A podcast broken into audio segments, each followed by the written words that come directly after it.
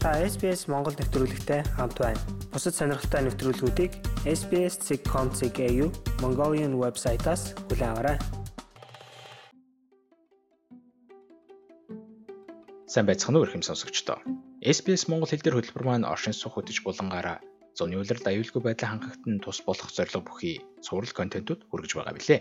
Энэ удаад нарны хит яган туяаны хор хөнөөлийн талаарх мэдээллийг та бүхэндээ бэлтгэх хүргэж байна. Ялангуяа бага насны хүүхэдтэй хүмүүс мөн гадаа наранд удаан хугацаагаар ажилладаг хүмүүс зайлшгүй шаардлагатай мэдээллүүд багтсан байна. 2019 онд түүхэндээ хамгийн халуун зуныг үзсэн Австрали улс энэ зуны хамгийн халуун өдрүүдэд 11-р сард үзсэн билээ. Хэдийгээр хур бороо ихтэй Ланине байгалийн үзэгдэл тохиож буйж зуны турш халуун цагаагаар үргэлжлэх төлөвтэй байгааг Австралийн цагуур судлалын товчооны цаг агарын урьдчилсан мэдээллийн хэлтсийн захирал доктор Эндрю Ваткинс хэлж байна.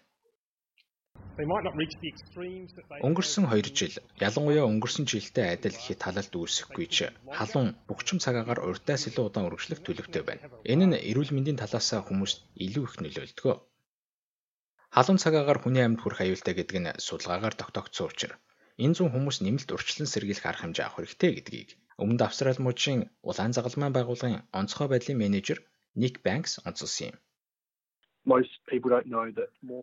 Австрали улсын хэмжээнд дохиодог байгалийн гамшигуд болох үер ойн төмөр хар салхинаас илүүтэй халуун цагаагарын улмаас амиа алдах хүмүүсийн тоо их байдгаа гэдгийг хүмүүс тэр бүр мэддэггүй. Халалтын улмаас тодорхой бүлгийн эрсдэл улам нэмэгдэг.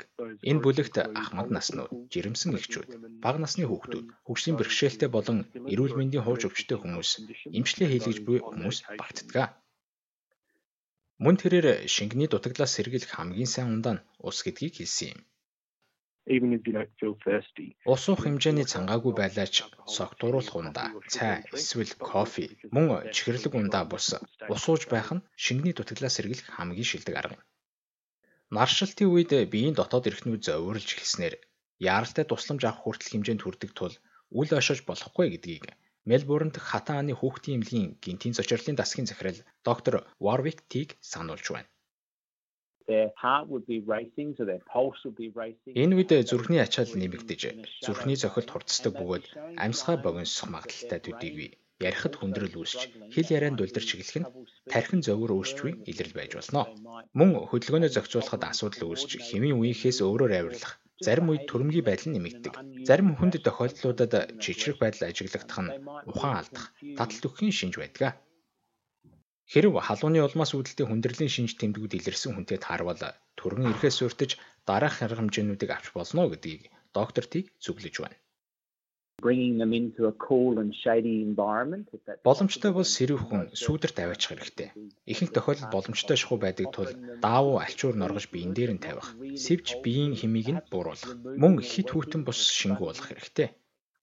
Агарын хим аюултай биш байлаач наран түлэгдэхээс сэргийлэхийн тулд Сан смарт арга хэмжээг мөрдөж байхыг Квинслендийн хор тавдрын зөвлөлийн гүйцэтгэх захирал Крис Макмиллан зөвлөж байна.